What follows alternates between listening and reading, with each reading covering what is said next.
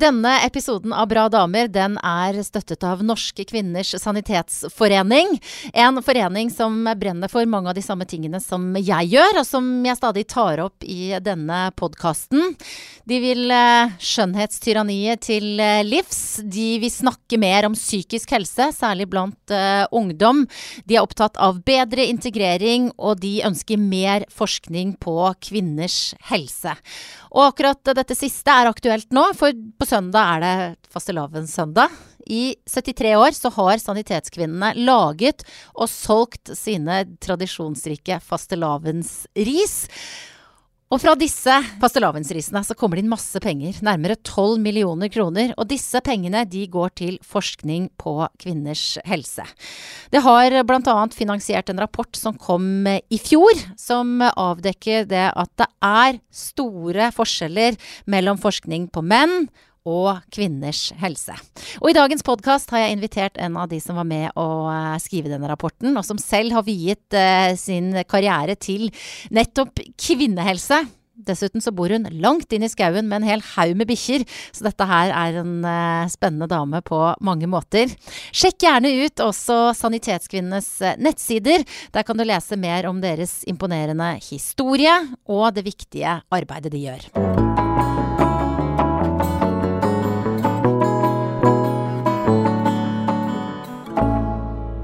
Dette her er podkasten Bra damer. Guri Solberg heter jeg, og i hver episode så møter jeg en ny bra dame. En kvinne som eh, fascinerer meg, som kan mye om noe, som eh, har noe å fortelle. Og eh, dagens gjest, hun Der kan jeg liksom tikke av på alle bokser, eh, føler jeg. Eh, hun er professor i samfunnsmedisin ved Universitetet i Oslo. Velkommen hit, Johanne Sundby. Takk for det. Det er professor i samfunnsmedisin som er din riktige tittel, sant? Så du ja, at jeg var litt sånn alvorlig konsentrert? Det, det er tittelen. Men jeg har jo en Jeg er lege og har en klinisk bakgrunn, så jeg er også gynekolog. Ja. Men ganske lenge siden jeg jobbet som eh, gynekolog på operasjonsstund. Jeg jobber nok som gynekolog i hodet, eller som fødselslege, da. Men eh, ikke, ikke på fødeavdeling. Du, Det har jeg lurt på mange ganger. Når man er medisiner og utdanner seg til lege, så skal man jo på et eller annet tidspunkt velge spesialisering. Hva var det som gjorde at du da bestemte deg for å gå inn i kvinnens underliv, for å si det sånn? Eh, det er egentlig en lang historie, men det handler både om en forankring i eh, likestilling, feminisme, kvinnesak. Men også en personlig historie hvor jeg veldig tidlig ble konfrontert med Eh, at jeg hadde problemer med å bli gravid. Og eh, opplevde det som veldig rart og merkelig, og jeg opplevde at det fantes veldig lite kunnskap om det. Så jeg fant ut at uh, kanskje det var en vei å gå for meg, å prøve å, å jobbe med det faglig. Istedenfor å bare jobbe med det private og personlig, men også jobbe med det profesjonelt. Så, så, det var med å styre valget mitt, ja.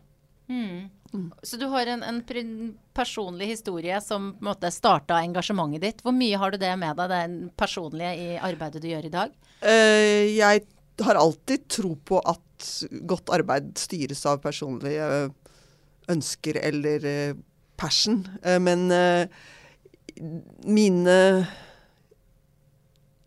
ønskemål og mine personer har endret seg over tid. Så jeg er ikke så opptatt av fertilitet og barnløshet som jeg var til å begynne med. Nå er jeg mer opptatt av kvinners helse generelt. Jeg er jo medlem av Sanitetsforeningen og jobber mye med kvinnehelse i Norge. Men så har jeg også gått globalt, da. Så jeg er jo blitt sånn internasjonal mødrehelsetalskvinne. Så det er det som driver meg mest nå.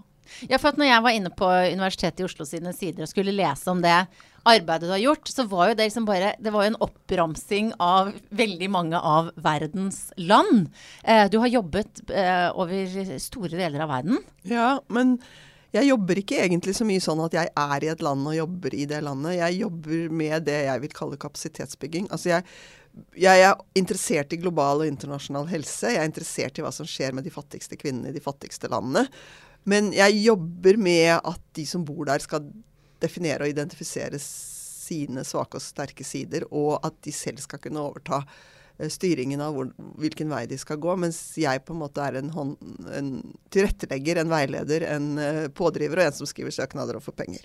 Mm. Så det har jeg holdt på med nå i kanskje 25 år. Uh, mange forskjellige land. Uh, mest Afrika.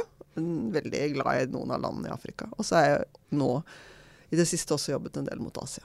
Mm. Hva er det mest krevende med den uh, type arbeid?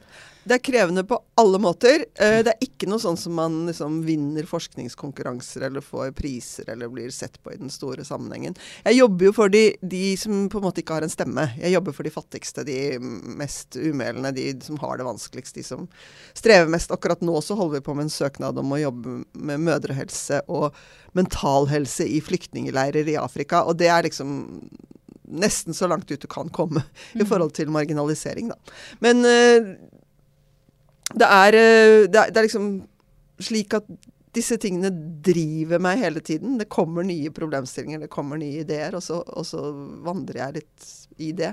Men uh, en av vanskelighetene er jo at mange av de vi jobber med, har så mye mindre bagasje enn vi har i Norge. sånn at en av mine fantastiske medarbeidere, han vokste opp i en landsby ved en elv i, liksom i indre Afrika.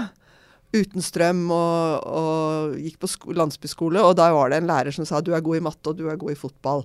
Så du kan få gå på videregående. Og så gikk han på videregående og sa du er god i matte og du er god i fotball, så du kan få studere. Og så fikk han studere.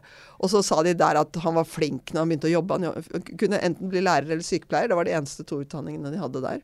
Og så ble han sykepleier. Og så gikk han videre og videre, så til slutt så kom han da inn på et masterstudium i Norge. Og så tok han mastergraden sin på kvinners helse i sitt land. Og Så gjorde han det også kjempebra, og så fikk han stipend til å ta doktorgraden. Og så tok han doktorgraden i Norge. Altså Han kom fra en landsby uten strøm og nesten uten bøker, til doktorgrad ved Universitetet i Oslo. Og så ble han direktør for helsevesenet i landet sitt. Så det er, det er, noe med at den veien er veldig lang, men den veien er også utrolig morsom når den faktisk mm. uh, klaffer. Da, da, det, da, får jeg sånn, uh, et slags sånn moderhjerte som blir veldig stort og varmt og glad. Ja. Mm. Du, det er jo sånn at I denne podkasten intervjuer jeg kun kvinner. Og jeg får spørsmålene jevnlig. Ja, bra damer. Når kommer bra menn, da? Altså, og Mellom linjene der så ligger det hele tiden et spørsmål hvorfor, hvorfor må man liksom ha dette her fokus på damer. Og du sier innledningsvis at liksom, feminisme og kvinnekamp er en av dine, var en av dine motivasjoner. Ja. Hvorfor, hvorfor, trenger man den motivasjonen? Hvorfor er det viktig med, med kvinnehelse? Det er vel slik at hvis man ser etter, så, så, har det vært begrensede muligheter for kvinner, mens ganske åpne muligheter for menn historisk sett. Jeg har en mor som gikk opp veien før meg. Hun ble faktisk professor selv, og ja, hun lever den dag i dag. Og, og, og brøt veldig mange barrierer og inspirerte meg til å tro på at det går an å komme så langt man vil uh, som kvinne. Og jeg vokste jo opp også i en tidsalder hvor kvinnesak begynte å komme på dagsorden. Og, og jeg møtte noen uh, dumme uh, barrierer som gjorde at jeg ble sint. Og istedenfor å liksom godta det de sa, at dette kan ikke kvinner gjøre, så sa jeg hvorfor ikke? Det var f.eks. en lærer som sa du er god i matte, men alle jenter som er gode i matte, de slutter med det når de begynner å tenke på gutter. Så sa jeg det skal søren ikke hende meg. Mm. Jeg skal være god i matte resten av livet. Uh, og jeg vet ikke om jeg er det, da, men iallfall så har det gjort at jeg har kanskje turt å gå over terskler som kan ha sett litt for høye ut. Og det tror jeg er viktig. Jeg tror, tror, det er mye mer selvfølgelig for jenter i dag at man gjør det, enn uh, den gangen. Men også fordi jeg jo ikke fikk barn, og etter hvert heller ikke fikk et så vellykket samliv, fordi det å ikke kunne få barn, det kan gjøre noe negativt med samlivet. Uh, så måtte jeg orientere meg om hva fins av andre muligheter, da. Uh, hva kan jeg gjøre for å gjøre livet mitt meningsfylt. Når jeg ikke kan bli hjemmeværende mor eller mor, yrkesmor med barn, lage familie, alle de tingene som veldig mange da tenker at jeg skal kunne gjøre. Og da var det jo en masse andre ting jeg kunne gjøre, men jeg måtte jobbe mye for å komme dit og, og se at ja, det finnes jo utrolig mange andre spennende ting man kan engasjere seg i. Og en av de tingene er da kvinners livsvilkår i, i verden, og kvinners livsvilkår som mødre, og forbi det å være mødre. Mm. Du, eh, jeg vet at du har vært med uh, og, på en rapport som Sanitetskvinnene har støtta. Hva vet vi om kvinners helse? Ja. Um, og der kom det fram at det er veldig stor forskjell på uh, kjønnene når det gjelder forskning. Eh, går det an å forklare eh, for en ikke-medisiner som meg, hva er det de forskjellene består i? Ja, altså Jeg ble av en eller annen grunn som jeg ikke helt vet selv, men eh, satt til å lede en uh, norsk offentlig utredning om kvinners helse i Norge for ca. Ja, det begynner å bli ja, 15-20 år siden. Og da ble jeg veldig oppdatert på ulikheter i, uh, i, helse mellom kvinner og menn. Og det er jo mange store ulikheter også i utfall. Mm. Men så uh, begynte vi å se på kunnskapsgrunnlaget for helse uh, i forhold til menn og i forhold til kvinner. Og da fant vi ut at kunnskapsgrunnlaget for mye av medisinen er en mann på 75 kg. Og at det er da blitt på en måte overført på kvinnene uten å ta hensyn til de forskjellene som er mellom kvinner og menn. Og det er jo forskjeller helt ned på kromosomnivå. Vi er mennesker og like, men vi er også forskjellige fordi vi har forskjellig biologi. Og så øh, jobbet vi videre med det. Øh, og prøve å skjønne hvorfor det ikke var så mye forskning. Men der er det også slik at det har vært anbefalt at man ikke forsker så mye på kvinner. Spesielt med eksperimentelle studier hvor man utprøver medikamenter. Fordi man hadde to skandaler eh, hvor man ga kvinner medikamenter under graviditet.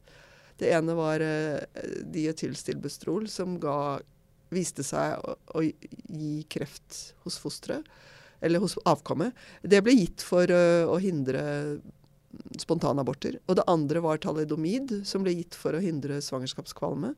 Og som jo da ga fostre som ikke hadde armer og ben. Det, det, det husker man. Og så, så, stoppet man plutselig å, å forske på kvinner. Altså, Fordi man var redd for å gjøre flere sånne tabber? Veldig redd for å gjøre flere sånne tabber. Det ble store utbetalinger og, og, og ansvar og forsikring. Og, og, så ble det anbefalt at man ikke inkluderte kvinner i fertil alder i studier.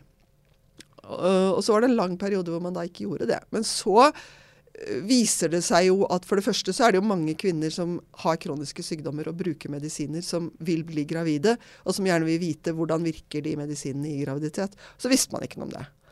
Og så var det også slik at det kom med flere og flere studier som sammenlignet menns og kvinners helse, og som fant at det var uh, veldig mye uforklart i kvinners helse. Spesielt i forskjellene. F.eks. For at kvinner får hjerteinfarktene sine senere enn menn, men er mer deprimerte. Og menn er mer utsatt for ulykker, men uh, også er mer voldelige. Og, og, så ble det tatt inn igjen at man skal forske både på kvinner og menn, men at man må selvfølgelig være forsiktig med dette med graviditet. Da. Men man skal gi begrunnelser for hvorfor man ikke skal inkludere kvinner i forskning nå. Og det, sånn var det ikke før. Vil du si det er like mye status å forske på altså, typiske kvinneutfordringer eller helseproblem som det er å forske på mannens helse? Det er eh, vanskelig å definere helt ordentlig. fordi at vi som jobber i kvinnemedisin og kvinnehelse og sånn, vi sier jo at en del av de tingene som handler om kvinners helse, det, det har ikke status, fordi det er nesten glemt eller glemt bort. Når jeg jobber med mødrehelse i Afrika, så er det bare damer. Det er ingen mannlige forskere som jobber med det.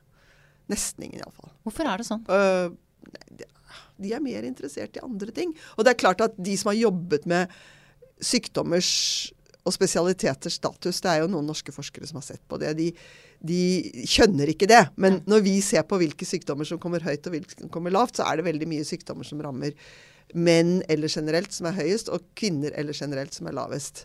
Som f.eks. fibromyalgi og øh, depresjoner og sånn. Det, det, henger ganske lavt i status. Mens hjernekirurgi og øh, hjertekirurgi og sånn, det, det, er høyt på statusen. Men ja, sånn er det. Hva tenker du om det? Nei, altså, det er jo en lang vei å gå, da. Å gjøre kvinner til like viktige som menn i alt som skjer. Eh, vi tror at vi lever i et likestilt samfunn, men vi gjør ikke det enda. Og nå Nylig så har vi sett på hvordan kvinner blir behandlet på sykehus i Afrika. Kvinner som skal føde. Og det er jo nesten på grensen til å være mishandling av kvinner på noen av sykehusene. Altså De behandles så dårlig. Og det reflekterer egentlig hvordan de behandles i samfunnet. De behandler dem ikke noe bedre på sykehusene i Afrika enn de gjør i samfunnet i Afrika. Men det er en sterk forskjellsbehandling. Det er slik at kvinner eh, tjener mindre, jobber mindre, får mindre utdanning, eh, er usynliggjort hysjes på, holdes borte, får ikke lov å gå ut, får ikke lov å handle på egen hånd, får ikke lov å eie land alt det fins fremdeles. Og, det, det, og, det, og, det er eh, legitimt å slå eller håne kvinner. Altså, det er liksom bare sånn, ja, men det gjør man jo. Mm. En ulydig kvinne må man banke, sier de. Og det gjør de på sykehusene også. Du har jo en Altså, du var ferdig lege på slutten av 70-tallet. Yes. Du nevnte mammaen din som en inspirasjon, som også eh, fortsatt er i live, og som også var eh, medis Medisiner. medisiner. Mm. Eh, men likevel, som du nevnte med mattelæreren som sa du kom til å begynne å tenke på gutter. Altså, det, du har på en måte eh, både levd gjennom og sett mange forandringer, helt sikkert. Ja. Eh, Ja. hva, hva er det som har gjort størst inntrykk på deg? Jeg, kanskje at det, det var så veldig blomstrende kvinnesaksorientering på 70- og 80-tallet, også at det datt litt sammen. Mm. Og at vi fikk også en parallellgreie, som sånn ultrafeminin eh, type mammablogg og sminkeklær og eh, Det må være lov å være kvinnelig med syv centimeter hele på skoene og, og så, liksom, At den backlashen kom samtidig som, som det jo også har vært en veldig sterk eh, fokus på likestilling og kvinners utdanning og, og, og sånn. Men at, også at kanskje dagens ungdom tar en del ting for gitt, da, som vi jo hadde som kampsaker. Abortsaken f.eks. Men den er jo blomstret opp igjen nå, da. Men vi Ja. sto jo på som bare det for å få selvbestemt abort. Mm. Og det var veldig, veldig viktig den gangen. Og også at kvinner skulle prioriteres inn i utdanning og komme inn på de utdanningene som på en måte var mannsdominert. Men så plutselig nå så er det sånn at kvinnene er på en måte inni alle de utdanningene også. Og, og så når utdanninger og profesjoner femininiseres, så mister de litt status igjen. Så det vi ser nå er jo at det er veldig mange kvinner som har veldig god utdanning, men de jobber i det offentlige. offentlige. Og så mennene har en annen type utdanning og en annen orientering og jobber i det private. Og det er liksom det store skillet nå, da. Mm. Og menn tjener jo mer enn kvinner fremdeles. Ja, det er noen tall der som viser at eh, det er ikke, det er ikke bare godt stelt, selv om vi i forhold til mange av de kvinnene du ser f.eks. i Afrika, som du nevnte, har en ganske annen hverdag, da. Ja. Men så nevnte du jo, ikke sant, det er jo det der med, med abortloven som du, og tusen takk for det. Jeg, jeg syns det er viktig å kjenne sin historie. Jeg takker både deg og mammaen min og alle dere som har kjempet de kampene. Som du sier, mange tar litt for gitt i dag. Og det er, sier jo noe om hvor fint vi har det, da, at vi tar det litt sånn for gitt. Men så har det altså blomstra opp. Når vi sitter her i dag, så var det vel i går at det da ble vedtatt en endring i eh, abortloven. Eh, det har skjedd mye de siste månedene rundt eh, akkurat det. Hva Ja. slags inntrykk gir det på deg? Jeg, jeg tror ikke at den lille endringen i seg selv er så forferdelig viktig, men det er en prinsipiell sak her. Og det er fordi jeg, jeg har jo jobbet med abort. Jeg har gjort, utført aborter. Jeg har sittet i abortnemnd. Jeg har vært uh, abortpolitisk engasjert. Jeg har skrevet om aborter. Jeg har forsket på aborter i Afrika. Uh, så det, det har vært en, altså Selv om jeg ikke kunne få barn selv, så har jeg vært veldig opptatt av kvinners reproduktive autonomi, som det heter på fint. Altså at kvinner skal kunne bestemme over hva som skjer i kroppene deres selv. Om de vil ha barn eller ikke vil ha barn, hvordan de vil gjøre det. Uh, trygge graviditetene, trygge reproduksjonen. Det har vært kanskje min største fanesak. Og så eh, har jeg da, i, i min erfaring som, som en som har sittet den andre siden i, i abortsakene, da, som har vært, vært med å vurdere om kvinner på en måte er eh, kan godtas i forhold til å ta abort, så har jeg tenkt at jeg, jeg har aldri opplevd at jeg vet noe mer enn det de vet. Så for meg er det med selvbestemmelse ekstremt vesentlig. Kvinner må bestemme selv hvordan de skal ha det i forhold til reproduksjonen. For det skjer i deres kropp, og de må også bære konsekvensene av det barnet de eventuelt får.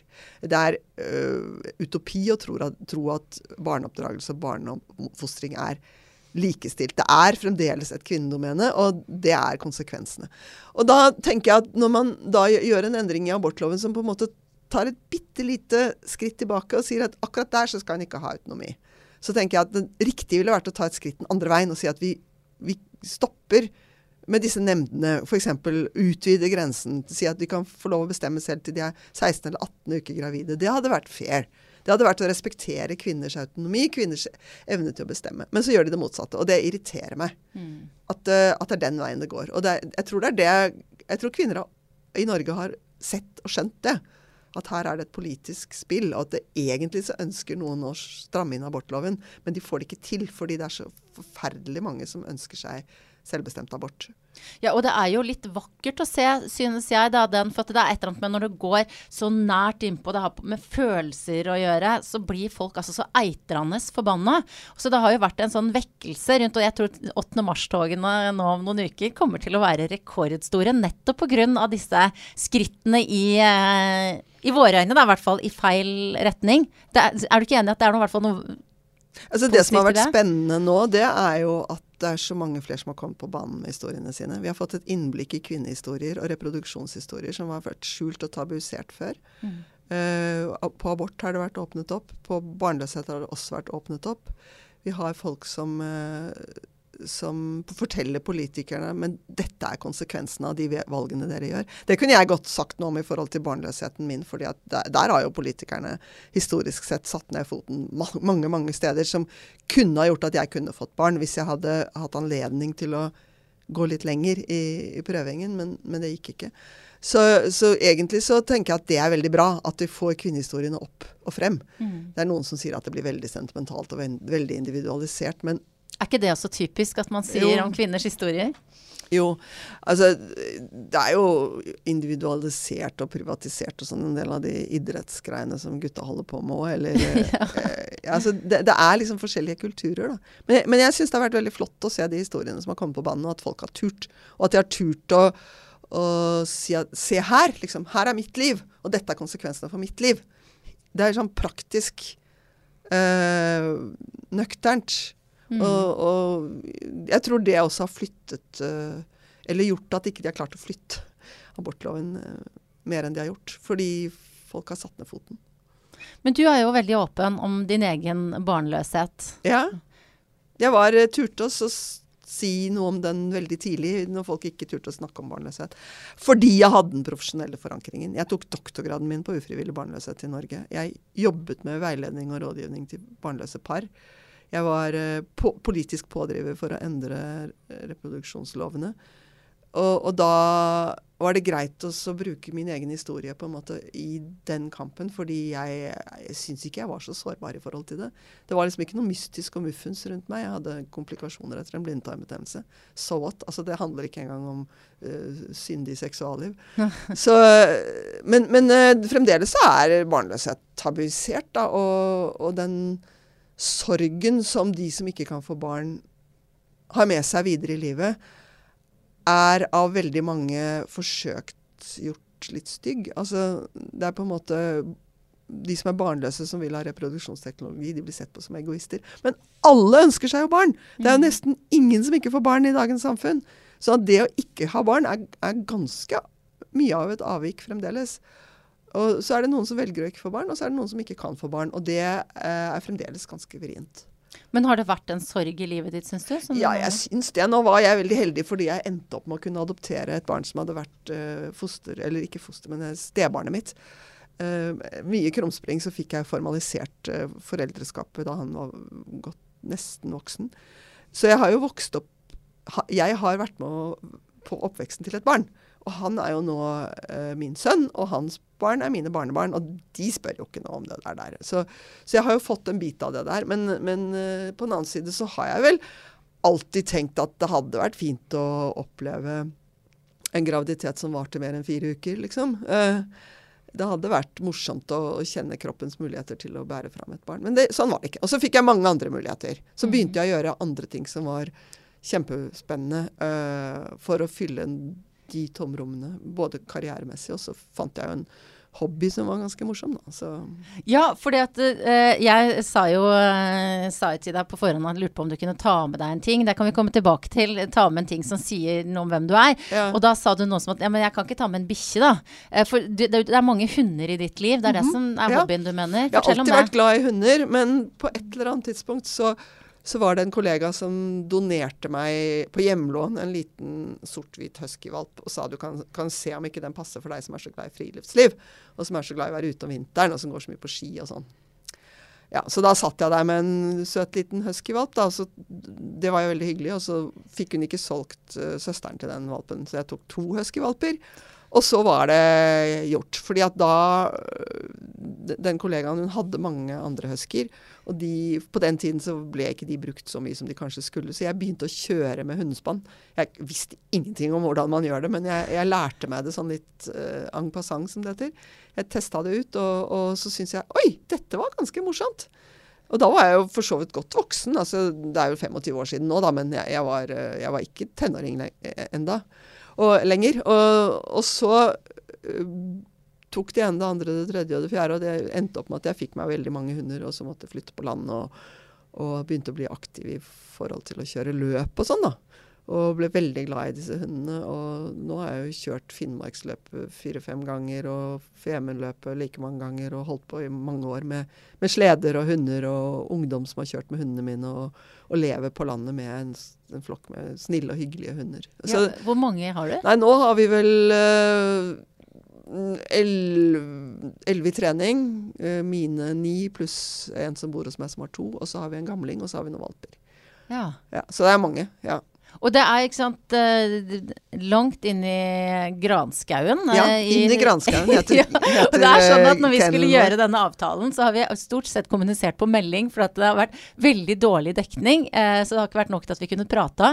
Du er, liksom, er du litt sånn Liker deg litt sånn utafor allfarvei, eller? Både òg, fordi at jeg er ganske sosial av meg. Nå blir det jo ikke så mye sosialt i løpssesongen, for da farer vi jo av gårde og kjører løp. Men det er, det er, jo sosialt på sin måte, med de andre som også gjør sånne ting. Men jeg, jeg har alltid god hjelp hjemme. Jeg har eh, jenter som liker hunder, og som går på skole, som får lov å bo hos meg og hjelpe meg med hundene, og som kjører løp med dem også. Og det har jeg hatt i nå kanskje 15-20 år. Forskjellige, da. Men de blir ofte ganske lenge, for de koser seg veldig med hundene. Så, så, sånn sett så har vi det jo sosialt på ett vis. Men på den annen side så er jeg veldig glad i å være alene i villmarka. Altså jeg er ute om natten når det blåser storm uh, og det er kaldt med en skokk med hunder, og syns egentlig det er ganske hyggelig. Jeg er ikke mørkredd. Så, men det er mye trening, da. Veldig mye ut om kvelden og kjøre og trene og holde på med fôr og og man blir liksom Kjeder seg ikke. Ja, jeg tenker på sånne ting som, eh, som Finnmarksløpet, som ja. jo er kjent som det er sikkert flere som kjenner til, selv om de ikke kan så mye om hundekjøring. Mm. Da ser jeg for meg Altså, det jeg vet om det, er at det er kaldt, og det er langt, og det er bare helt utrolig slitsomt. For meg så er det liksom alt der er det motsatte av fristende. Hva er det som driver deg inn i det der? Men det er ikke bare kaldt og ensomt. Det er også en fantastisk sånn eksistensiell reise. Du har nordlys, du har løyper, du ser reinsdyr, det er nydelig natur. Du samhandler med kjempeflinke, morsomme hunder som, som, liker deg, og som hører på hva du driver med. Og du konsentrerer deg noe helt enormt. Det er en sånn superfokusert ting å gjøre. Du, du er bare der på sporet med de hundene og ser om de går eller ikke. Og alle andre ting som man har problemer med eller tenker på, eller sånt, noe fordufter på en måte. Og så er det jo litt konkurranse, og så er det litt konkurranse med seg selv om man faktisk klarer dette her. Om man, øh, ikke om man hevder seg i toppen, for det har aldri vært mitt mål. Men den, den reisen med, med, de hundene i elementene, det er øh, utfordrende, spennende og morsomt. Og så får man jo et kick. Eh, antagelig får man noen hormoner som øh, setter seg i sving når man holder på med så intense greier. Så, så, man har det jo veldig fint med seg selv i mange, mange uker etterpå. og det er eh, Det er morsomt å kjenne på, da. At liksom Ja, det var ålreit. Det var fint. Nå har jeg det bra. Nå føler jeg meg ålreit. Nå føler jeg at jeg liksom har gjort noe virkelig ordentlig. Og så er det veldig deilig å komme inn og få en dusj og god mat og roe seg ned og sove i en god seng og sånn. Kontrastene hjelper jo enormt til å sette pris på det som er bra. Når man har sett ting som er litt mer uh, tøft så er det veldig deilig å komme hjem til det gode. Samme når jeg reiser i de fattige landene nå. Er jo av og til litt uvørent. jeg har vært uh, utsatt for et statskupp hvor jeg lå mellom sengen og veggen og hørte at det drønnet i maskingevær liksom rundt meg. hvor var du da?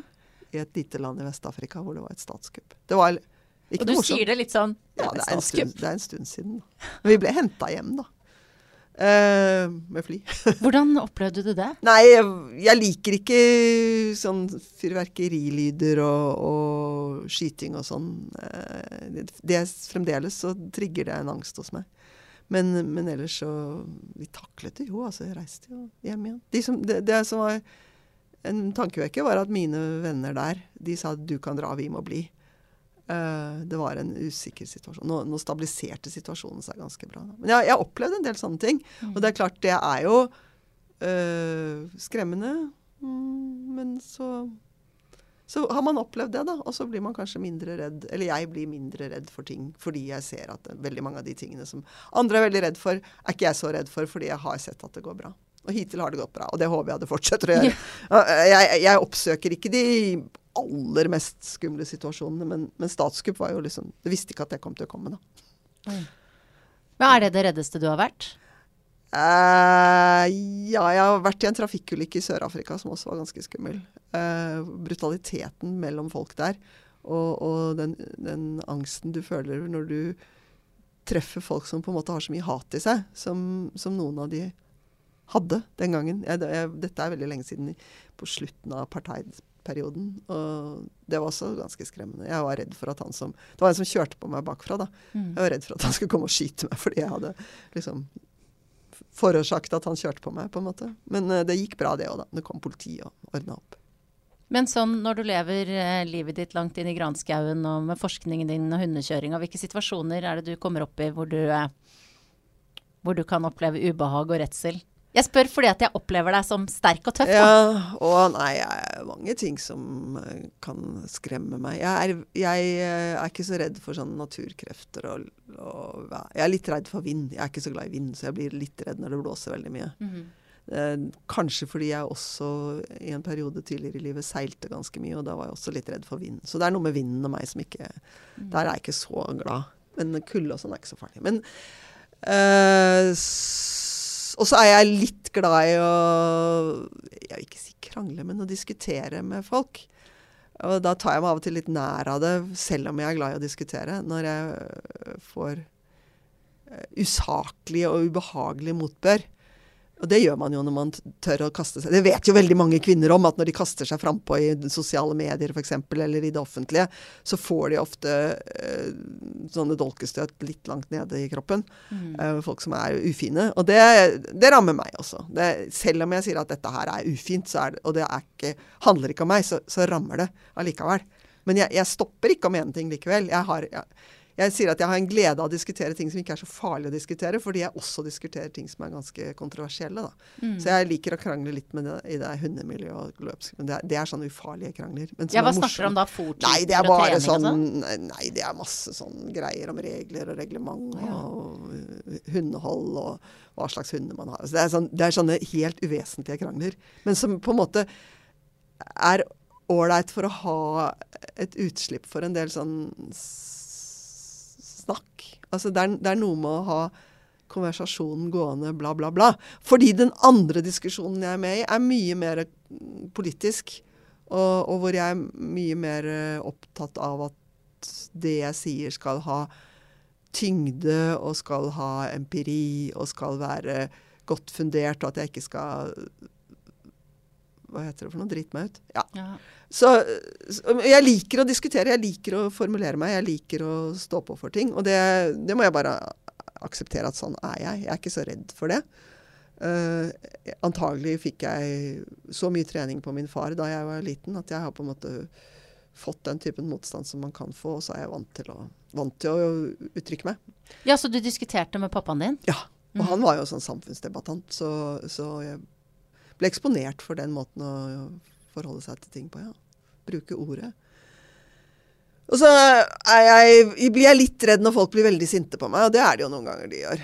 Uh, Hvem er det som blir skikkelig sinte? De som er uenige med meg. Mm. Og noen mannfolk blir sinte. Men uh, det, det, er også Jeg har skjønt nå at, uh, at det er ikke bare noe som rammer meg, liksom. Det er sånn ganske vanlig erfaring fra, fra jenter da, som, som uttrykker seg tydelig og offentlig og om kontroversielle ting, at eh, de av og til får et raseri mot seg hvor, hvor mm, noen blir ufine. Og det, det, er jo De fleste kollegaene mine som er menn, er jo kjempeålreite, og de fleste andre jeg kjenner som er menn, er også kjempeålreite. Men så er det noen da, som ikke klarer å styre seg, og som blir skitne og, og spydige og kommer kanskje på grenser til sånn sexistiske overgrep. Ja, hva, har blitt, hva har du blitt kalt? det er vanskelig å konkretisere det helt, men det, det er så subtilt nå, da. Sånn øh, Ja. Men jeg, jeg det, det er Altså, den typen snakk er jeg ikke så redd for som når de er ras, rasende, sinte. For mannlig raseri kan være ganske heftig. Men jeg kan bli sint selv òg. Så den er jo for så vidt Men du det, du er, det at du er så ivrig i diskusjoner, det at du eh, forsker, kjører med hundene dine, altså er det, hva er det du forsaker for å holde på med alle disse tingene? Nesten alt. Nesten alt. Uh, Gourmetmiddager sjelden. Shopping aldri. S mitt sosiale liv eh, I vintersesongen når jeg kjører hund, besøker moren min på sykehjemmet, og litt sånn kollegiale ting. Eh, jeg ser nesten ikke på TV. Jeg er veldig glad i å lese bøker, så jeg leser veldig mye. Når jeg trenger å slappe av, så leser jeg romaner og sakprosa. Men øh, jeg er ikke noe opptatt av hvordan jeg kler meg. Jeg kler meg med varme klær sånn at jeg ikke skal fryse. Uh, så, så, sånn vanlig lørdags, nei, fredagspizza og TV-rekka og de tingene der, det, det, er litt sånn utenfor min sfære. Jeg, jeg er ikke så der. Og så reiser jeg jo mye, da. Og det gjør jo også at livet blir litt oppstykket. For eksempel så skal jeg, når alle andre skal gå i 8. mars-tog, så skal jeg til Tanzania og på en konferanse om abort. Det er jo litt feminisme i det òg, da. Men, Absolutt. ja. Mm. Men føles det som, eh, som et tap? Altså, ikke sant? Det at man forsaker noen ting. Det er et, et livsvalg du prioriterer bort. Jeg sier gourmetmiddager, da. Det, Altså, jeg skulle jo gjerne på én måte vært invitert inn i det mm, enkle sosiale livet, hvor familier med barn møter andre familier med barn og drar på hyttetur sammen, eller eh, reiser til Syden sammen, eller feirer alle de forferdelig mange bursdagene som det da blir. Men jeg er ikke en del av det. Mm. Og jeg har ikke noe inngangsbillett til det heller. Så da må jeg på en måte bygge opp en annen måte å leve på. Og det, det har jeg gjort, da. Men det er klart, noen ganger så tenker jeg at hjelp og trøste, hvordan skal det gå med meg når jeg blir gammel, liksom. Da er det da, Man bør jo helst ha noen døtre for å bli tatt vare på når man blir gammel. Og det har jeg ikke. men du har eh, jenter som bor hos deg og jobber med Ja, bikkjene? og de er kjempeflinke. De er helt strålende jenter. Altså det er sånn toppjenter eh, som er interessert i andre ting enn en eh, rosablogger, da. Mm. Og det er helt fantastisk da, å bli kjent med så mange flotte unge kvinner og jenter og, og få dem fram i livet. Altså de, de første som jeg hadde med i hundekjøring, og, og som jeg også på en måte har jobbet litt faglig med, de er jo litt voksne. Og har tatt retninger i livet sitt som er kjempespennende. Og det er gøy jeg har vært med på. da, Fra å liksom følge dem fra de er fire-fem år og til de er 25 nå. Og, og, og tør ting og gjør ting. Mm. Så det er jeg glad for. Har du selv hatt noen som du har sett opp til, som har vært eh, en slags ledestjerne for deg i det arbeidet du har gjort? Kanskje ikke altså Akademisk sett så har det vært foreldrene mine. For de har på en måte, jeg har sett at de har vært vanlige mennesker, men de har fått til ganske mye. Så jeg har tenkt at det går faktisk an uh, å få til ganske mye bare ved å, å gå videre. Jeg har hatt uh, flotte venninner. Flotte jentefellesskap med kollegaer, øh, altså jenter som jeg har studert sammen med, som vi har hatt kontakt med i, i alle år. Pluss også en, en annen liten gruppe som, har, som består av både kvinner og menn, som har vært eh, som Vi møttes på studiet liksom, tidlig på 70-tallet og har tett, nær kontakt fremdeles. Så det, det har vært eh, nødvendige sosiale nettverk for å tørre å være den jeg er. Og for å kunne være den jeg er som er forskjellig fra den de er, men hvor de aksepterer at sånn er du, og sånn er vi. Uh, som har betydd mye. Ellers så, så har jeg vel ikke hatt så mye sånn mentorer. Uh, jeg har nok vært en ganske aktiv mentor for en del unge jenter, både i faget mitt, som tar doktorgraden, da, Mm. og i hundekjøringen. Og det uh, Jeg vet ikke helt hvor jeg har fått den gaven eller den ideen at jeg skal gjøre, gjøre det fra. Det er en sånn slags lærer. Men, og lærere er det jo mange i min familie som er, da. Men, men også en interesse for, øh, for, for, å endre seg, en interesse for å eller, eller kanskje min egen erfaring at jeg, det finnes mange ting der ute som er mer spennende enn den øh, åpne landevei. Det finnes kroker og krinkler og muligheter, og, og man behøver ikke være så redd. For man får bare ett liv. Og det er iallfall ikke noen grunn til å sitte og sture over det. Da må man måtte ut og prøve det ut. gjøre, gjøre ting i det livet. Litt tilbake til der vi starta med, med, kvinnehelsen, som du uh, stupte inn i da du, uh, da du utdanna deg. Mm. Um, det har vært tema, tilbakevendende tema her i podkasten. Og for noen år siden så intervjua jeg Agnete Lund, som jobber på Kvinneklinikken i Bergen. Ja. Og hun snakka mye om skam. Vi har mm. vært inne på tabu, mm. eh, og at det er mange ting ved kvinners helse, kanskje spesielt knytta til underlivet vårt, som vi ikke snakker så mye om. Og hun opplever at folk kommer til henne og nærmest skammer seg og sier æsj og unnskyld meg, og jeg har ikke barbert meg. Mm. Og eh, hva slags eh, Hva tenker du på når jeg sier skam når det gjelder ditt eh, yrke, da? Jeg tenker at en del av de tingene jeg jobber med faglig sett, er fremdeles skambelagt. Jeg jobber med fistler i Afrika og omskjæring og seksualitet. Jeg tror nok fremdeles at det er en del skam knyttet til seksualitet. Uh, Iallfall så opplever jeg det slik at en god del kvinner fremdeles knytter seksualiteten til varige relasjoner, og at de uh, uh, f.eks ikke syns de skal bruke prevensjon når de ikke har en fast relasjon. Fordi de skal på en måte ikke være seksuelt aktive annet enn når de er i et forhold. da. Mm. Men så er jo det også endret veldig. Så at nå er det jo mindre skambelagt for kvinner også å ha uh, en aktiv seksualitet. Men, men uh, seksuelle overgrep er det mye skam rundt. Mm. Uh, og det er det jo selvfølgelig en del i, i mitt fag som gynekologien, så har jeg jo sett det opp igjennom vold, altså kvinner som er utsatt for vold, eller, eller, folk som er utsatt for vold, skammer seg over det. Føler fremdeles at det er deres egen skyld at de blir banka opp, f.eks. Så øh, ja, det er absolutt. Uh, akkurat når det gjelder det der med at de ikke har barbert seg, så er det en sånn sak som jeg har jobbet litt med. fordi at jeg har alltid tenkt at de kroppene vi har fått utlevert, sånn uh, evolusjonsmessig sett, de er ganske raffinerte. Og de de har de tingene de har fordi det har en hensikt, da. Hvis, hvis, ting ikke har hensikt, så tenkte jeg at det ville bli borte evolusjonsmessig. Og, og vi har hår under armene, og vi har hår i skrittet. Jenter har, og menn har. Og det håret er litt sånn stivt og krøllete. Og det gjør at det ikke er hud som gnisser mot hud. Altså det stive, litt krøllete håret det gir en sånn friksjonsflate som gjør at man ikke, ikke gnisser og ikke får så mye irritasjon i huden.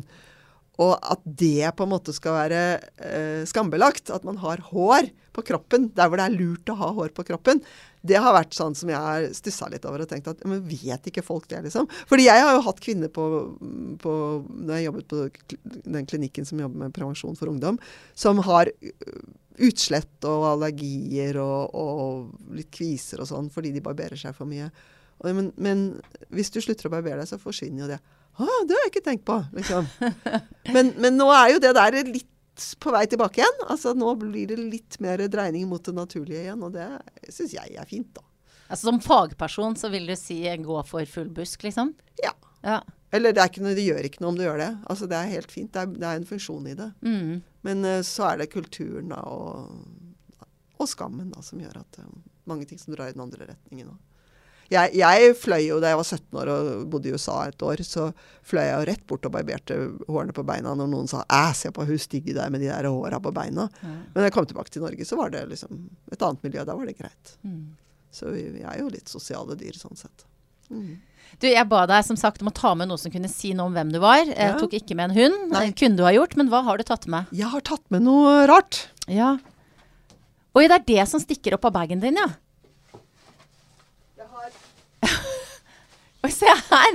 Å, så herlig! Fantastisk. Jeg har tatt med en graviditet, siden jeg var så uheldig at mine graviditeter ikke ble til noen barn. Så jeg har tatt med en afrikansk skulptur av tre, som man kan knytte på seg. Og da får man store gravide pupper og stor gravid mage. Og det kan menn eller kvinner ha på seg for å få sitte på bussen, f.eks. under kåpa. Og den, eh, det er en, eh, en fertilitetsmaske som jeg har kjøpt i sørlige Afrika, og som på en måte uh, representerer min uh, opptatthet av kvinners reproduksjon. Og dette er jo en symbolsk reproduksjon. Så derfor så tok jeg med den. Mm. Den har hengt med meg nå i over 20 år. Jeg fant den en, uh, et, på et marked. Og En lang stund så hang den på kontordøra mi, sånn at når folk skulle inn, så måtte de banke på den gravide magen. Nå henger den hjemme. Den er nydelig. Ja, den er veldig fin. Og den er faktisk slik at når, når jeg har, hvis jeg har den under kjolen, så ser jeg alvorlig gravid ut. Ja, Det er et eller annet med brystene som Ja. ødelegger litt illusjonen, men Ja. magen ser veldig naturtro ut. Ja, de sitter litt tett sammen. Ja. i brystene. Men sånn er vi er jo alle forskjellige. Og jeg ser når du tar på den, at du tar på den med kjærlighet. Så dette Ja. er en ting som betyr den- mye for deg. Den blir sånn at man folder hendene under den gravide Mm. magen. Og den er der, på en måte. Ja, så det er det nærmeste jeg kommer en uh, fullbåren graviditet. Tusen takk for at du tok med den og delte. Det var utrolig, utrolig fin. Ja. Du, det er sånn at i podkasten min så har jeg har vi vært gjennom liksom store, store og små temaer i livet. Vi avslutter med tre sånne kjappe spørsmål om eh, kanskje litt sånn trivielle ting. Eh, det ene er hva spiste du til frokost i dag? I dag har jeg ikke spist frokost, men jeg burde ha spist et eh, sånn ordentlig spesielt knekkebrød med ost. Men jeg hadde ikke flere knekkebrød igjen, fordi at jeg har vært uh, på reise og kom hjem i går og har ikke rukket å handle. Hvor har du vært på tur denne gangen? Nei, nå har jeg vært på, faktisk på, i skogen. Uh, jeg tok med meg en del dokumenter jeg må lese, og så hundene mine. Og så isolerte meg på en liten koie i en skog uh, på Østlandet for å komme gjennom de dokumentene, fordi at da har jeg fred og ro. Så ja. hva, har du, hva har du lest om langt ute i skauen? Jeg har lest uh, kapitler til doktorgrader til tre kvinner som skal levere doktorgraden i vår. Mm. Det neste spørsmålet er hvor lang tid brukte du på å finne ut hva du skulle ha på deg i dag? Ja, det tror jeg Jeg tror jeg tok det som lå på gulvet foran sengen.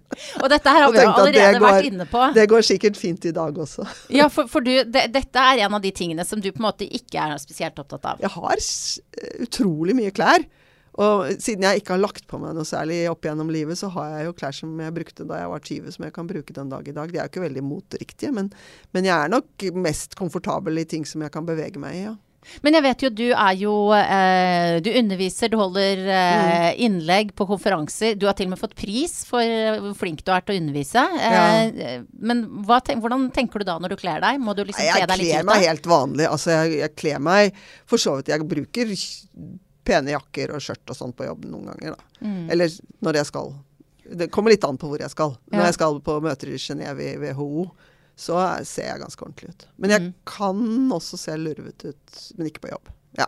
Men det er jo en deilig kontrast da, fra eh, Genéve og så ut til Koia, at livet ditt eh, inneholder begge de tingene. ja, og jeg hadde ikke fått jobbet hvis jeg ikke kunne isolere meg av og til. For vi, vi må konsentrere oss ganske mye da når vi jobber med forskning. Lese og konsentrere oss. Mm. Det siste spørsmålet er, og nå ser du jeg tar litt sats og blir litt flau, for det er Ja, nå blir du litt sjokkert. Når hadde du sex sist? Uh, ja, skal jeg svare på det? Uh, kanskje ikke. Nei. Nei. Og det er jo litt sånn eh, at det ikke er alle som gjør det. Og det er jo eh, ikke så rart, for mange opplever det som et veldig privat spørsmål. Eh, er det derfor du ikke vil svare? Ja, fordi den priva det private livet jeg har, Mm. Eh, det, det er så mye i mitt liv som er offentlig, så det lille jeg har igjen av privatliv, det holder jeg ganske tett. Eh, det er, jeg tenker at det er fint at man har noe privat. Mm. Noen ting. Noen emosjonelle ting, noen eh, relasjoner, noen hemmeligheter. Som Mm. man, det, er, det er veldig mange nå som uh, er veldig åpne på alt, og som liksom eksponerer hele livet sitt. for kreft, og så er de, Ja. har de det i store doser, eller så har de uh, vært utsatt for ting. Og så har de, jeg holder, holder litt igjen på noen få ting, da. Mm. Mm. Og så er det jo noe med at uh, det er fint å være åpen med sine aller nærmeste. Nettopp Mm. fordi det er en sånn sånn hellig ting. Hvem er det som får vite dine hemmeligheter? Venninner. Mm. Jeg har veldig, veldig nært forhold til venninner som får vite mine hemmeligheter. Det er vel Noen av dem har jeg hatt i veldig, veldig mange år. Og, og vi, der er det vel egentlig ingenting som ikke kan snakkes om. Mm. Da passer det bra med et avsluttende spørsmål. Um, navnet på denne podkasten er jo Bra damer, Mm. som kommer i alle utgaver. Hva, hva vil du si beskriver en bra dame? En dame som er litt modig, som tør å være seg selv og stå for det hun eller ja, hun gjør i livet sitt og tenker i livet sitt. En dame som tør å utforske grensene litt, øh, normene litt.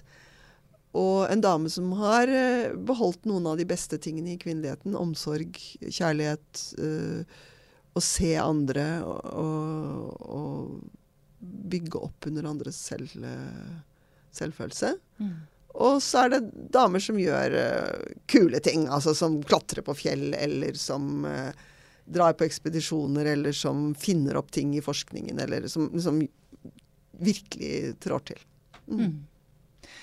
Tusen takk for at du kom i podkasten min. Og nok en gang så har jeg lyst til å si tusen takk eh, for det arbeidet du har gjort, da.